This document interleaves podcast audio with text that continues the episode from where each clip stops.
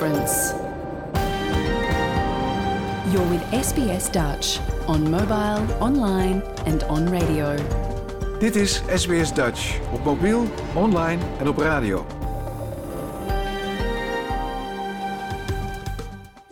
Graag erkennen wij de traditionele eigenaren en verzorgers van het land, van waar we vandaag SBS Dutch uitzenden, en uiten we ons respect aan de Camaragal mensen van de Kurungay Nation en hun ouderlingen uit het heden en het verleden. Ook kennen we de traditionele eigenaren van alle Aboriginal en Torres Strait Islander landen van waar u vandaag naar ons programma luistert.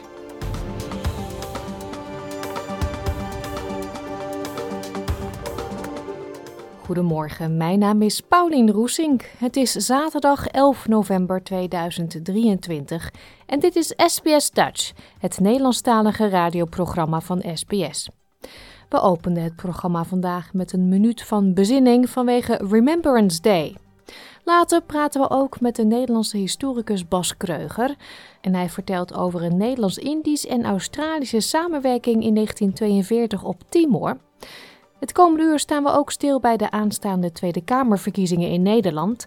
We legden enkele partijen een paar stellingen voor over thema's die ons, Nederlanders in het buitenland, bezighouden.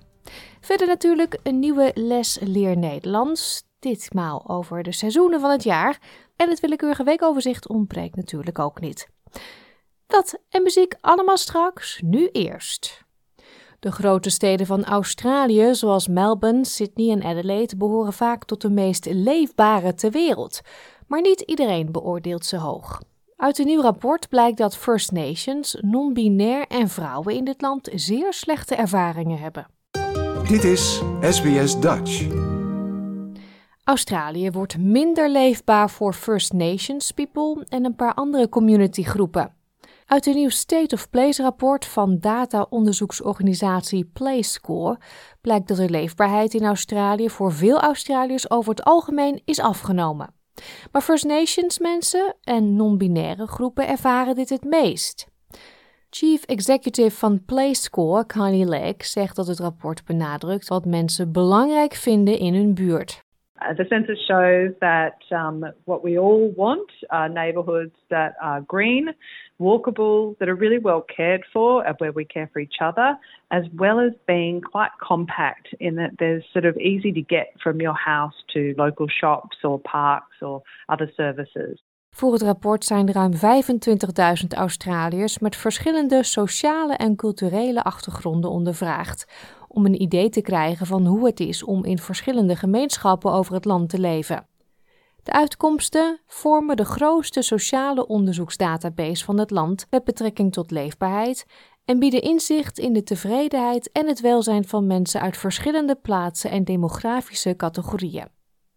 Volgens het rapport varieert de leefbaarheid soms aanzienlijk, afhankelijk van de individuele buurten en de demografische samenstelling daarvan.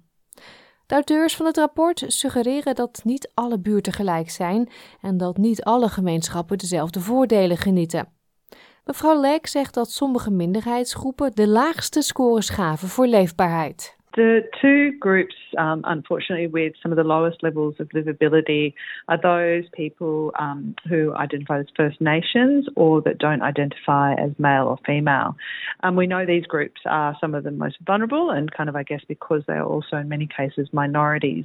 But it really reveals that um, they're not experiencing the same levels of livability as the rest of the community, um, and it's across the board. So their scores are quite low across all 50 metrics.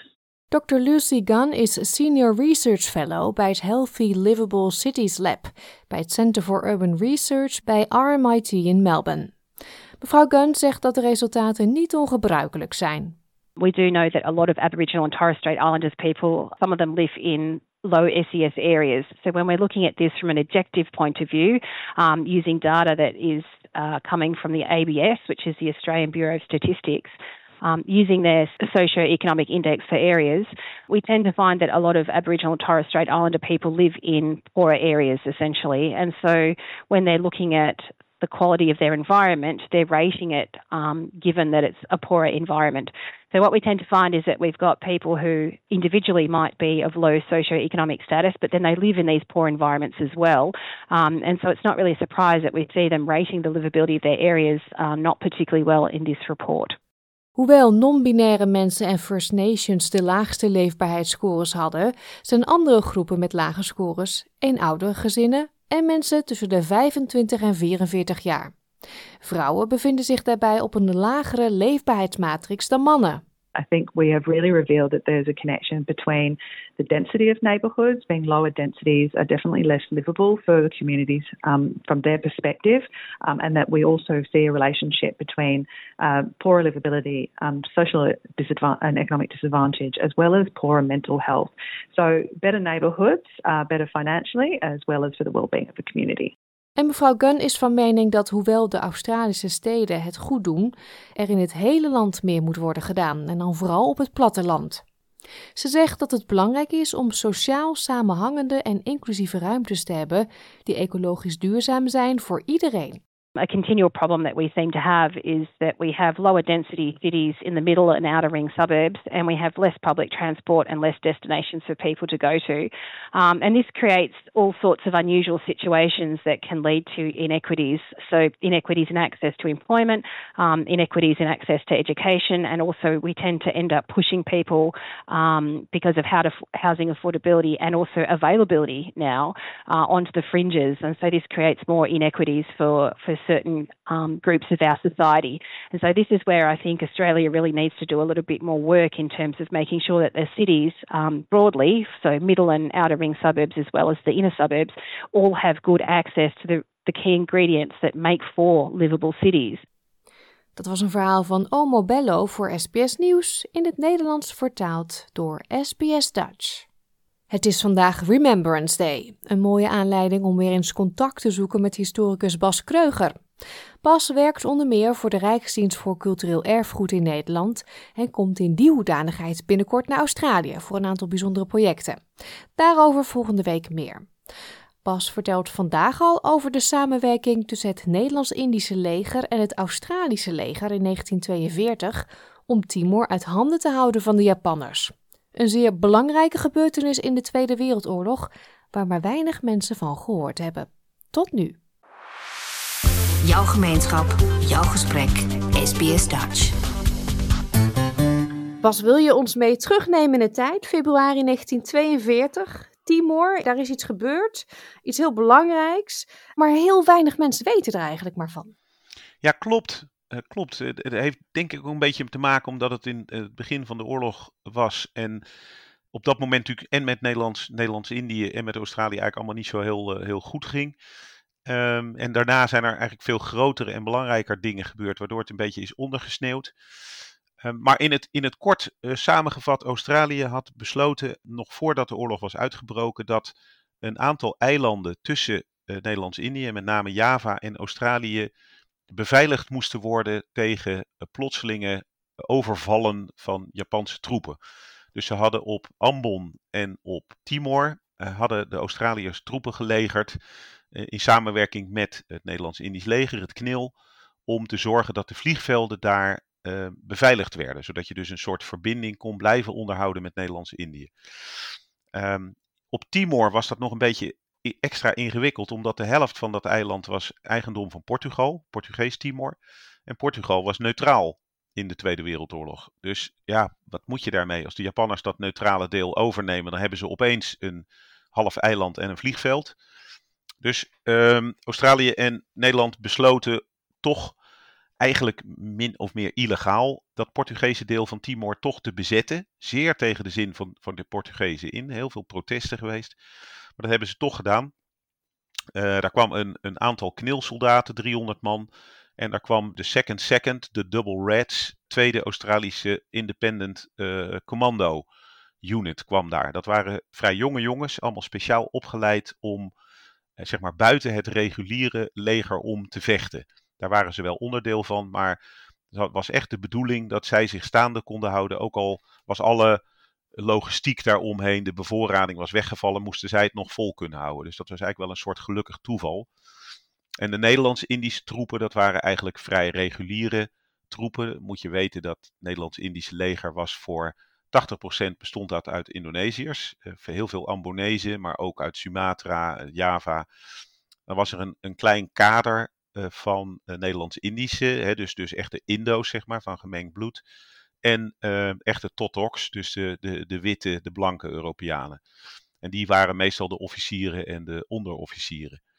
Um, maar die waren veel minder, nou niet zozeer gemotiveerd, maar ja, dat waren wat oudere dienstplichtigen. Dat waren nou niet echt dat je zegt uh, uh, de, de commando-types die je zou verwachten. En die dus de Australiërs met veel jongere en fittere soldaten wel hadden. Die hebben ja, Portugees Timor dus, wij gaan daar, wij gaan Portugees Timor bezetten. Dat kunnen wij beter ja. nu doen voordat de Japanners ja. dat doen. Laat maar precies, ervoor zijn. Precies, exact. Dus ze hebben het vliegveld bezet, ze hebben de haven van Dili bezet. Um, en ja, waren min of meer nog bezig om zich een beetje uh, in te graven en in te richten. En uh, uh, toen kwam begin februari 42 kwamen de Japanners met inderdaad een invasie. En ja, die overliepen binnen no time alle verdediging. Hè? Want je moet je dus bedenken, de Nederlanders en Australiërs samen hadden op dat deel van Timor. ook in het Nederlands deel zat een veel groter deel, maar daar hebben we het maar even niet over. Maar in dat Portugese deel hadden ze zo'n 500 man. En die Japanners kwamen met 5000 uh, man. Plus oorlogsschepen, plus vliegtuigen. En de Nederlanders en Australiërs hadden niet meer dan geweren, een paar machinegeweren. En uh, de Nederlanders hadden iets van vier oude kanonnen voor het museum in Batavia weggehaald. Dus nou ja, kan je nagaan, dat waren kanonnen uit 1895 of zo. Dus dat was ook niet het modernste van het modernste. Uh, dus het hele gevecht om Dilly duurde geloof ik een paar uur.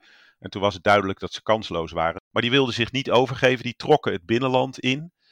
Uh, met het idee, ja, misschien kunnen we op de zuidkust wel op een of andere manier geëvacueerd worden naar uh, Australië toe. En Darwin is daar niet heel ver vandaan. Dat is toch een, een, een dag varen over zee of twee, drie uur vliegen. Uh, dus dat moet kunnen. Dus die hebben besloten zich die terug te trekken het binnenland in. En langzamerhand kwam daar dus ook de gedachte op van ja, kunnen we niet een guerrilla-oorlog voeren tegen de Japanners. En dat is dus ook gebeurd. Vanaf uh, februari 42 tot aan het einde van, uh, van het jaar hebben die Nederlanders en Australische troepen die hebben een, een uh, guerrilla-oorlog gevoerd tegen de Japanners. Behoorlijk succesvol. Ja, waarbij dus die, die paar honderd man die Japanners maar bezig hielden, die, die Japanners konden ze maar niet verslaan. Er werden steeds meer nieuwe troepen aangevoerd door de Japanners. Uiteindelijk tien, en sommige bronnen spreken wel over 12 tot 15.000 man. Dus dat, dat is echt veel. En ja, die, die, die konden die paar honderd man maar niet verslaan. Maar daardoor konden ze ook niet ingezet worden op belangrijker slagvelden in, uh, in de Pacific. En dat was ook de reden voor uh, de geallieerden en de, de, de baas daarvan, generaal MacArthur, om te zeggen, nou, hou die guerrilla maar vol. Hoe langer jullie er zitten, hoe langer jullie die Japanners bezighouden. Um, en het is natuurlijk niet te bewijzen, maar Uh, rond diezelfde tijd werd er in Nieuw-Guinea, probeerden de Japanners het, het havenstadje Port Moresby te veroveren door over de, de bergen daarheen te trekken, de Owen Stanley uh, Mountains. Door het beroemde Kokoda Trail. Nou, dat is denk ik voor elke Australiër is dat een, wel zo'n beetje een iconische naam. En daar wisten de Australiërs net, net op het nippertje de Japanners tegen te houden. Het heeft echt heel weinig gescheeld of die hadden Port Moresby veroverd. En daarmee was Australië zou afgesneden zijn van de aanvoer vanuit Amerika.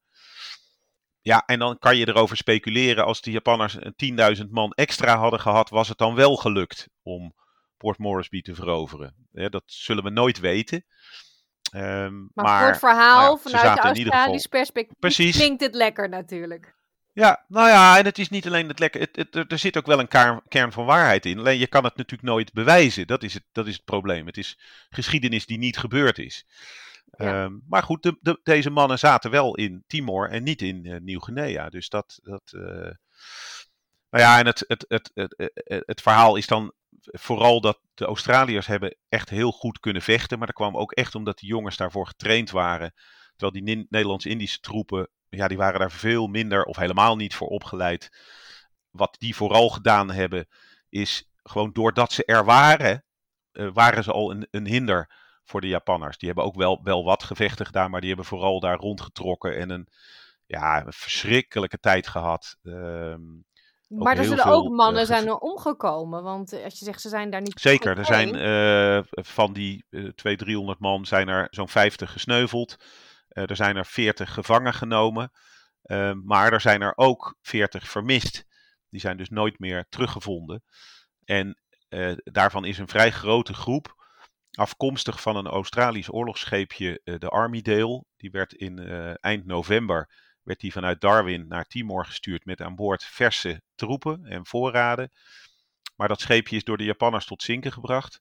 Een groot aantal overlevenden zijn in eh, reddingboten en reddingvlotten gegaan. Die zijn dan ook voor het grootste deel weer gered door de Australische marine. Maar van één vlot weten we met aan boord 40 mensen. Daar is nog een luchtfoto van. Dan zie je ze zwaaien naar het vliegtuig. Alleen het water was te ruw om daarop te kunnen landen. Dus ze hadden zoiets, nou die pikken we de volgende dag wel op. Maar daarna, de volgende dag was het vlot weg. Dus de theorie is dat ze of door de Japanners gevangen zijn genomen, of dat ze in Timor toch aan land zijn gekomen en daar ergens zijn verdwenen. En nu zijn er op Timor op een aantal plekken grotten met stoffelijke overschotten daarin. En de vraag is of één of twee van die plekken, of daar misschien deze vermiste knilmilitairen zouden kunnen liggen, of zij dat zouden kunnen zijn. Ehm, nou, dat is eh, moeilijk te bewijzen. Of het is wel te bewijzen, maar dan moet je die, die grot terugvinden. Dat is inmiddels gebeurd. Ehm, en nu moeten we samen met eh, eh, forensisch antropologen kijken of dat wellicht eh, van welke landsaard die mensen zijn. Of dat Europeanen zijn, of dat dat Aziaten zijn. En of je dan het onderscheid kan maken tussen een Javaan of een Japanner of een Timorees, ja, dat weet ik ook niet. Dus nee, dat en gaan we nabestaanden eh, begin zijn er december waarschijnlijk doen. niet, want dat zijn hele jonge mannen geweest. Ja, maar daar zijn wel heel vaak toch wel nabestaanden hoor. En die hechten heel veel belang aan dit soort dingen, weet ik uit ervaring. Ik ga in Brisbane ook een aantal familieleden uit andere verhalen ontmoeten. En die zijn nog steeds heel erg bezig wat er met hun opa of met hun oom, oud-oom eh, gebeurd is. Dus hier zijn ongetwijfeld eh, familieleden van deze mensen te vinden. Ehm, maar goed, we moeten dus eerst eh, de- eh, vaststellen of het inderdaad eh, Europeanen zijn. Ehm, of mensen van het, van het knil. Eh, en zo ja, dan moeten we gaan kijken of we ze met behulp van DNA of iets dergelijks kunnen identificeren. Ehm, maar Timor zelf heeft natuurlijk een gruwelijke geschiedenis van eh, burgeroorlogen en eh, een hele langdurige oorlog met Indonesië in de jaren 70 tot aan eh, de eeuwwisseling gehad. Dus nou ja, daar zijn alles bij elkaar honderdduizenden mensen omgekomen. Dus het zou ook heel goed kunnen dat we, dat we eh, daar Timorese eh, mensen vinden. Maar de mensen die de overschotten gezien hebben, vinden dat aan de grootte van de botten te zien dat het waarschijnlijk toch wel eh, Europeanen zijn. Ja, en die grotten liggen heel diep in de bush. In de binnenlanden, ja. Ja, ja, dus die mannen hebben nooit eh, naar de bewoonde wereld kunnen komen om zich te melden van wij zijn hier en we leven nog. Ja. Ja, dat, nee, ja, dat weten we natuurlijk niet. Eh, Nee. ja, ze zijn vermist en ze zijn vermist gebleven. Ehm, dus nou ja, we gaan zien. We zijn met een aantal Nederlanders die op eh, in Dili wonen, die ontzettend vriendelijk zijn om. Ehm, want dit verhaal is vanuit de Nederlandse gemeenschap aangedragen. Ik heb in Dili contact gezocht van zijn er Nederlanders die ons willen helpen. Nou, daar zijn daar een aantal mensen die daar wonen. Eh, die zijn ons nu aan het helpen. En samen met eh, Australische militairen die daar zijn als eh, ondersteuning van het land, het nieuwe land Timor-Leste. Die willen ook meehelpen. Dus we zijn nu echt met een groepje mensen zijn we dat aan het, aan het onderzoeken. En ehm, op het moment dat ik daar begin december ben, dan hopen we met die forensisch antropoloog die kant op te gaan en inderdaad vast te kunnen stellen ja, wat voor soort mensen daar, eh, daar liggen.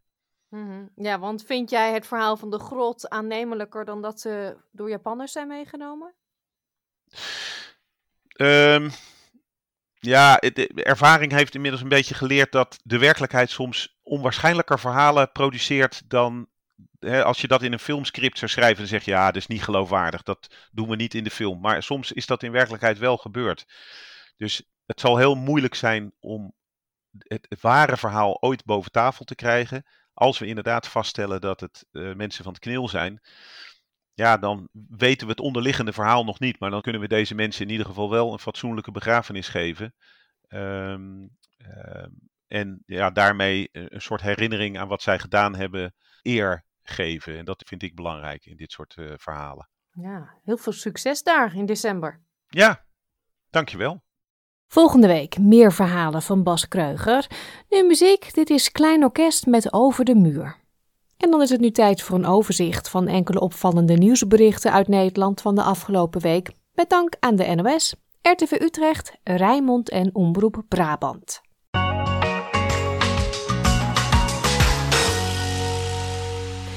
Utrechtse Oelu-moskee is de grootste moskee van Nederland, maar toch weten veel mensen niet hoe het er van binnen uitziet. Daarom is het Turkse gebedshuis sinds kort aangesloten bij het grootste museum van Nederland.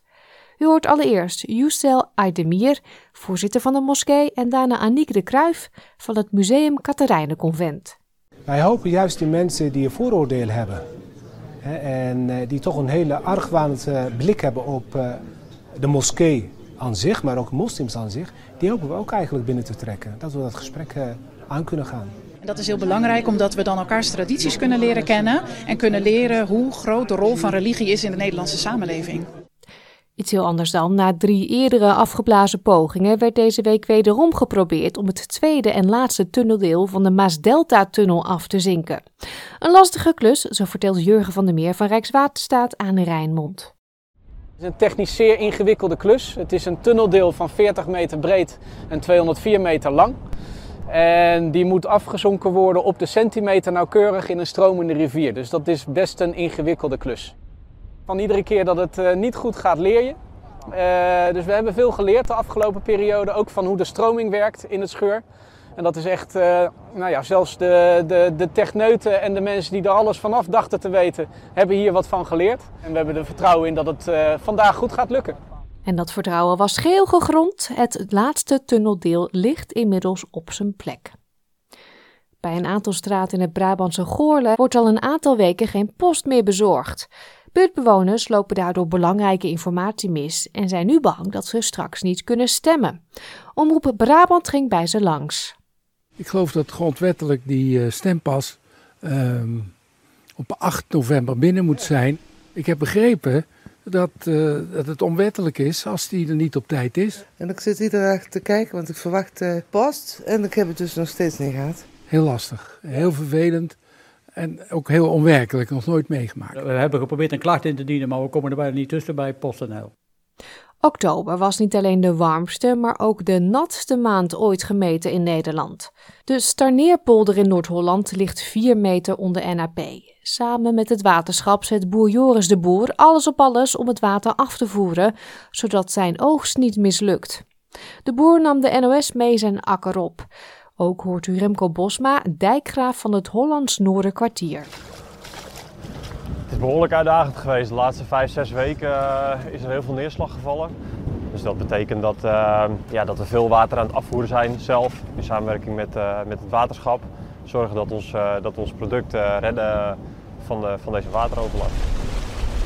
Ja, als we die maatregelen niet nemen om die afwatering goed voor elkaar te, te krijgen, ja, dan, wat je dan krijgt is dat, dat de kool eigenlijk stikt in het water. En uiteindelijk gaat de kool gewoon dood, gaat de plant dood. Ja, dat, dat zijn gewoon extremen die, uh, die steeds meer plaats gaan vinden. Dat is, uh, dat is een grote zorg van ons.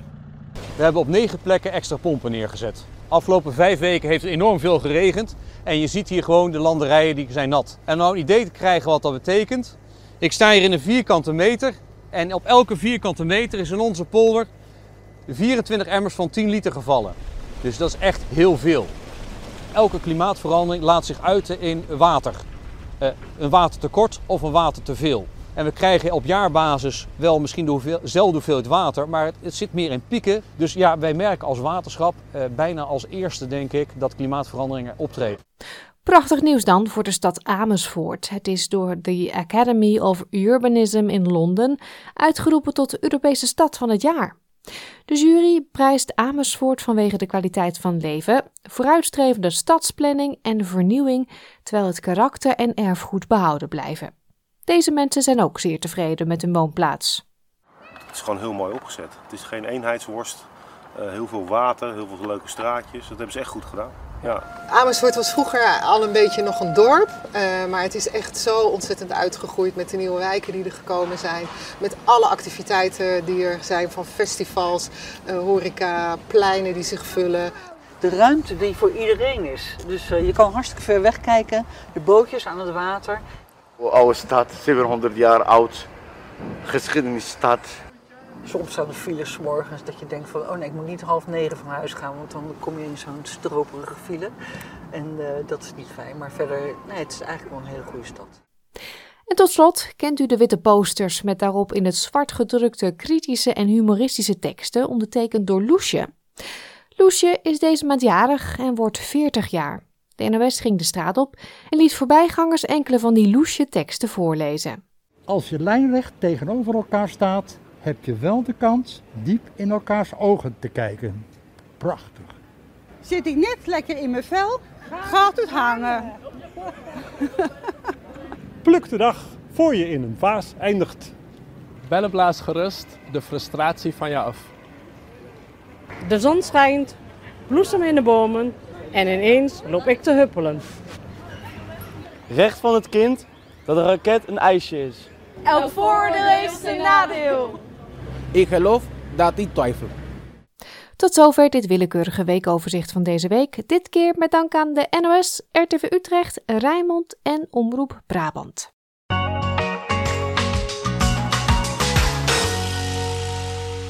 Op woensdag 22 november vinden in Nederland de Tweede Kamerverkiezingen plaats. Als Nederlander in het buitenland moet je je stem uitbrengen per post. Mocht u uw stembiljet nog niet hebben opgestuurd, dan is het advies om dit zo snel mogelijk te doen en de oranje envelop niet naar Den Haag te sturen, want dan komt die niet meer op tijd aan en is uw stem ongeldig, maar naar het consulaat in Sydney of de ambassade in Canberra. Op onze website www.sps.com.au vindt u de adressen. Volgende week vrijdag 17 november voor 10 uur moet uw stem daar binnen zijn. Twijfelt u nog over op welke partij u zou moeten stemmen? Wij belden met CDA, D66, GroenLinks PVDA, Nieuw Sociaal Contract en VVD en legden hen enkele stellingen voor over thema's die ons, Nederlanders die in het buitenland wonen, bezighouden. De eerste stelling gaat over een heel hot topic, namelijk dubbele nationaliteit, en luidt: Nederlanders mogen zonder verlies van hun Nederlanderschap een tweede nationaliteit aannemen. Dirk Boswijk, de nummer drie op de kandidatenlijst van het CDA, hoort u als eerste. Ja, het CDA is, uh, is daar een voorstander van. Uh, we hadden er ook afspraken in gemaakt in het, uh, in het huidige coalitieakkoord, de coalitie die nu niet meer bestaat.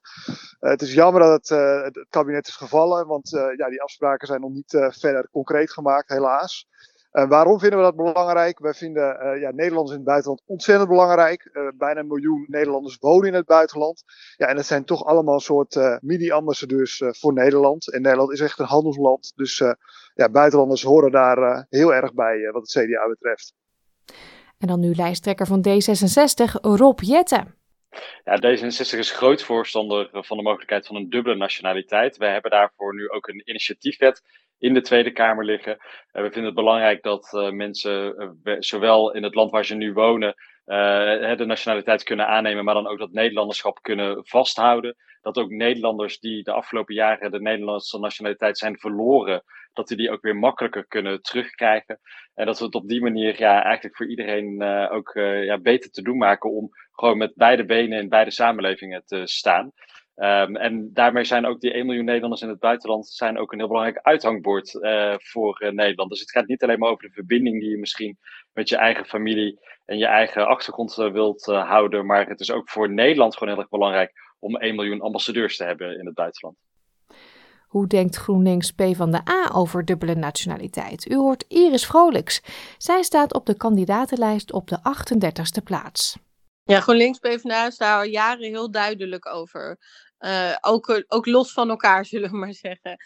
We vinden echt dat mensen zelf mogen weten of ze een enkel of een dubbele nationaliteit willen je ziet in deze globaliserende wereld dat mensen steeds vaker niet meer aan een land gebonden zijn. Nou goed, jij zal daar zelf uh, ook allerlei verhalen bij hebben. En het is ontzettend belangrijk dat we dat recht, namelijk dat je die twee nationaliteiten hebt, dat we dat in de wet uh, gaan verankeren. We hebben daarom eerder al een initiatiefvoorstel ingediend met D66 uh, daarover, omdat we willen dat je officieel burger kan blijven van een ander land, maar ook de Nederlandse nationaliteit dan behoudt.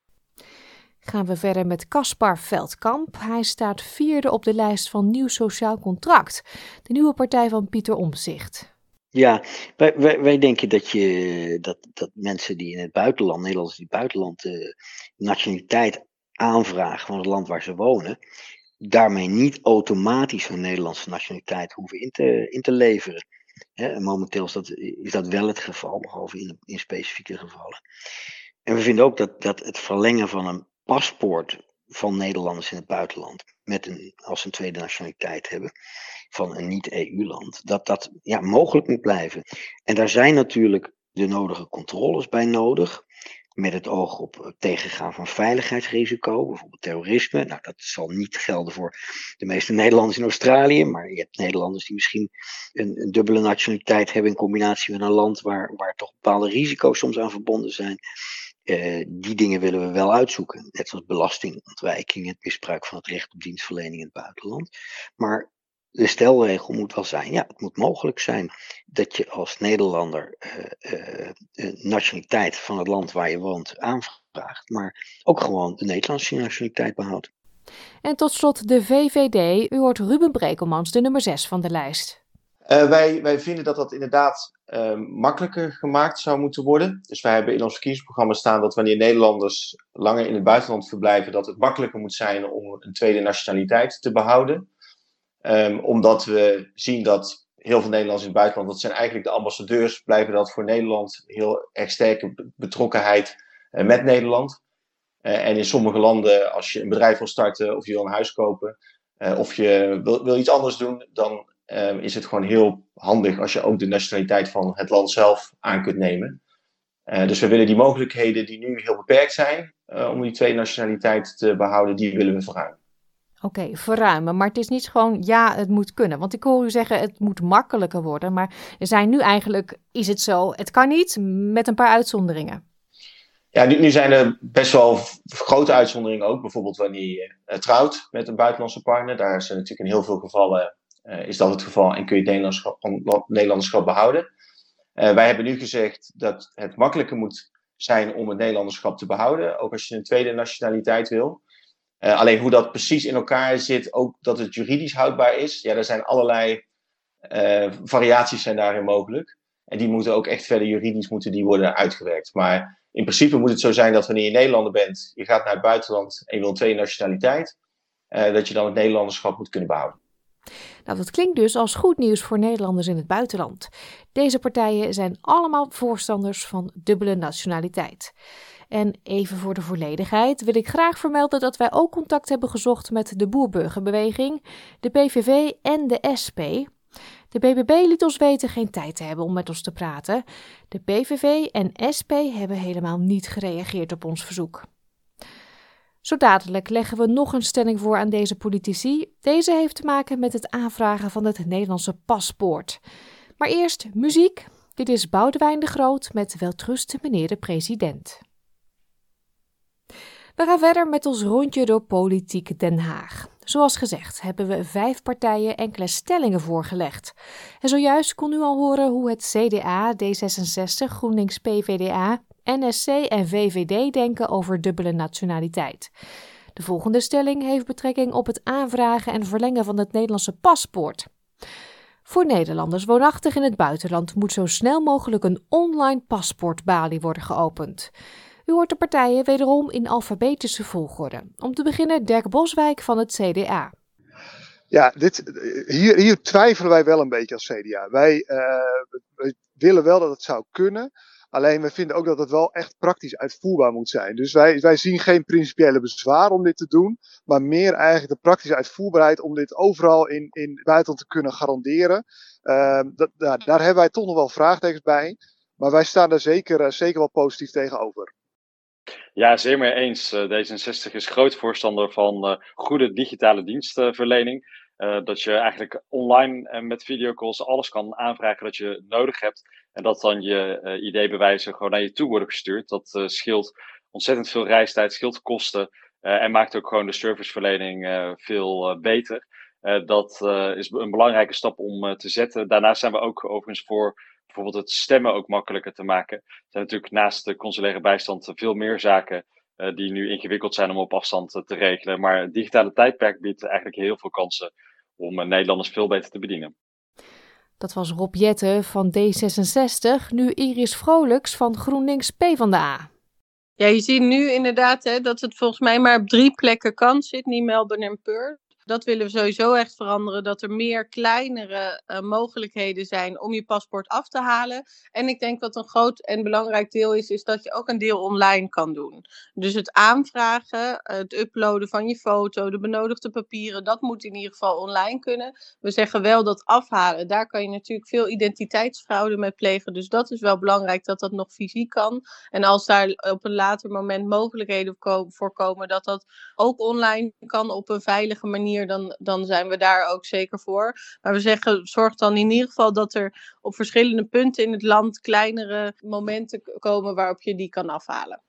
Maar het afhalen is op zich geen probleem, want ze sturen het gewoon op. Nee, dus het zit hem ook volgens mij grotendeels hè, nu in, in het reizen om alle benodigde papieren aan te leveren, om een foto te uploaden. Kijk, dat is natuurlijk zonde dat, dat, dat je daar ontzettend ver voor moet reizen. Je moet op een gegeven moment, als ik het goed heb in de procedure, ergens natuurlijk je identiteit uh, uh, um, uh, checken, laten zien. Dus daar zeggen we van, van een deel daarvan kan online en een deel daarvan moet nog fysiek. Ehm, maar zorg dan dat dat op meerdere plekken bereikbaar is. Caspar Veldkamp dan, van Nieuw Sociaal Contract. Ja, um, als, als, het, als het daarover gaat, maar, de consulaire dienstverlening, het verlengen van een paspoort of een rijbewijs. We vinden dat dat eigenlijk zoveel mogelijk digitaal moet kunnen worden geregeld. En voor zover er fysiek contact nodig is, dat dat via de consulaten kan en kan blijven gaan. En we willen dat dat ook opnieuw geldt uh, voor het consulaat in Brussel, ten behoeve van de, de, de, hele, de vele tienduizenden Nederlanders in Brussel en België. Want uh, die werden nu geacht uh, ja, dat bij hun volgende bezoek aan Nederland uh, af te regelen. Maar dat, dat zou voor ons betreft weer gewoon in, in Brussel ook mo moeten, moeten kunnen. En ja, dat, dat, dat is wat ons betreft mogelijk. Nou maakt u natuurlijk een opmerking over Brussel. Brussel-Nederland, die afstand, die is um, vele malen korter dan voor sommige mensen ja. die in Australië naar Sydney moeten. Precies, precies. En ik realiseer me dat heel goed. En ik, ik heb ook in, in, in de Verenigde Staten bijvoorbeeld gewoond, waar dat ook enorme afstanden zijn. Uh, maar er wonen gewoon heel veel Nederlanders in Brussel. Die hebben gezien dat het consulaat daar sloot. En ik denk dat, we, dat de Nederlanders in het buitenland zich ook zorgen moeten maken. Er zouden er nog verdere bezuinigingen kunnen worden doorgevoerd. En dat willen wij niet op dit terrein. En namens de VVD Ruben Brekelmans. Ja, het liefste zou ik willen dat eigenlijk vrijwel alle overheidsproducten en zaken als een paspoort, dat dat allemaal online kan worden geregeld. Want er zijn inderdaad heel veel Nederlanders, en zeker in een groot land als Australië, waarvoor het heel erg veel moeite kost om naar een ambassade te reizen. Um, dus ik zou dat heel graag zien. Uh, het is ook iets waar ik zelf, vaak samen met D66, D66 VVD samen in de Kamer op aandringen om daar verder stappen in te zetten op die digitalisering. Uh, dus ik hoop dat dat ook met de verlening van paspoorten dat dat heel snel kan. Daar hebben volgens mij ook experimenten mee uh, in plaatsgevonden. Uh, het is alleen, het moet natuurlijk wel betrouwbaar en op een veilige manier kunnen. Want het paspoort is een heel belangrijk document. En je wil niet dat die worden vervalst of dat dan die online procedure kan worden misbruikt. Maar ik zou zeggen, het kabinet moet daar prioriteit aan geven. Zorg dat het op een veilige manier kan. Uh, en dan zo snel mogelijk digitaal. Want dan maken we het leven van heel veel Nederlanders in het buitenland maken daar een stuk makkelijker mee. Wilt u weten hoe deze partijen denken over het behoud van Nederlandse bankrekeningen voor Nederlanders in het buitenland en de mogelijkheid tot online stemmen? Ga dan naar onze website www.sbs.com.au/duits voor alle gesprekken. En hierin geven ze ook aan waarom wij nou op hun partij moeten stemmen. Dat is dus zeker het luisteren waard. Hier vindt u ook de adressen van het consulaat en de ambassade waar uw stem, ik zeg het nogmaals, uiterlijk vrijdag 17 november, minder dan een week dus, voor 10 uur binnen moet zijn. Wacht dus niet te lang.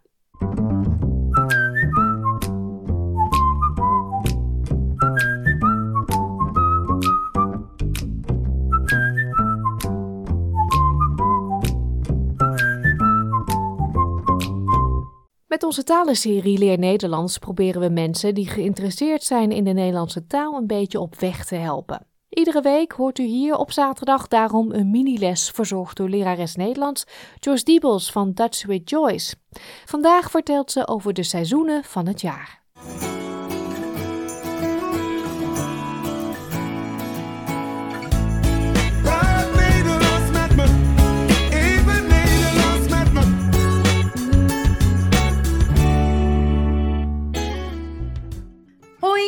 Ben Joyce from Dutch with Joyce, and today we have another lesson. After the months of the year, we are now discussing seasons. And just as a little pub quiz, what is the word for months in Dutch? And if you remembered well from the last episode, it is maanden. Now I'm going to teach you the word for season. It is a bit of a tricky word altogether, so have a close listen. A season is an seizoen. Seizoen. Seizoen. Seizoen. And seasons in plural are seizoenen. Seizoenen. Seizoenen. Those are the seasons. So let's jump into the seasons of the year. And let's start with the most simple one, which is winter. Winter is literally the same, but with Dutch pronunciation. Winter. Winter. Winter. Winter. De winter. Summer is also quite similar, which is zomer. You already know that the S often will translate into a Z. So instead of summer, you say zomer. De zomer. Autumn is a good one to use as well. Autumn is, especially in the US, also referred to as harvest. It's the harvest season. Harvest, if you say that really quickly, is actually quite similar to the Dutch word for autumn or fall. Herfst. Herfst. De herfst. So think of the harvest season and it's getting easier for you to remember herfst. And the last one is obviously spring. Spring is the most difficult season to remember, but maybe therefore the easiest to keep in mind. Spring is lente. De lente. I personally think it sounds a lot like lentils. So maybe you want to eat lentils in spring, then you remember the Dutch word for spring, which is de lente. So we have winter, lente, zomer en herfst. Dat zijn de seizoenen. Dan hebben we ook het voorjaar en najaar. So in Dutch we have voorjaar, so before year, and najaar, the after year. What do we mean by this? Het voorjaar is de lente, so, kind of like your pre season up until you're working towards the hot, nice weather, zomer. Het voorjaar. And het najaar is also referred to as herfst. So, the after season almost. Na de zomer. So, voor de zomer, het voorjaar, de lente. En na de zomer, het najaar, de herfst. So you might hear those and now you know what they mean. Another thing to know is that the Dutch seasons are twisted around compared to the Australian seasons. So right now, we are heading into summer, zomer, and in the Netherlands, they are heading into winter, winter. So, whatever season it is in Australia, you want to remember that it is the opposite season in Nederland. So in Australië is het lente In Nederland is het herfst. In Australië wordt het zomer. In Nederland wordt het winter. In Australië wordt het herfst. In Nederland wordt het lente. En in Australië wordt het winter. In Nederland wordt het zomer. So the best time to go to the Netherlands is obviously in Australian winter, so you can grab some extra sun. so let's practice this with some sentences. I'll give you a sentence for each of the seizoenen. The first sentence is In the winter, it is Christmas. And make sure you focus on your sentence structure here as well. In de winter is het kerst. In de winter is het kerst.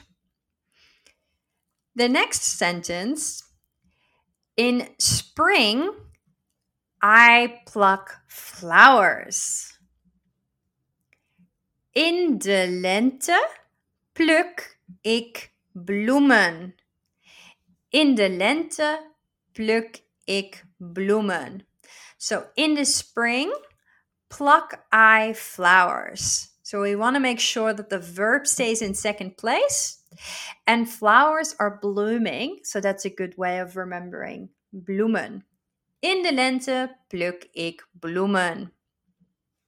In summer, I go to the beach. In summer, I go to the beach is. In de zomer ga ik naar het strand. In de zomer ga ik naar het strand.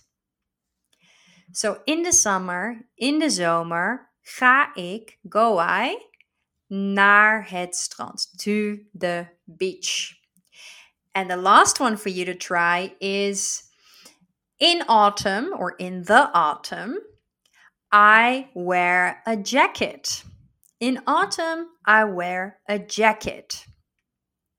In de herfst draag ik een jas. In de herfst draag ik een jas.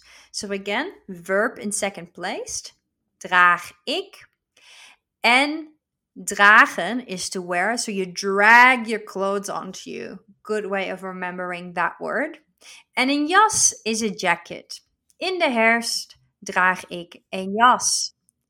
The challenge for this week is to try and put your verbs in second place whilst starting with the seasons in the winter, in the lente, in the zomer, and in the herfst. We would love to know the sentences that you will be making, and I'll see you next time. Doei!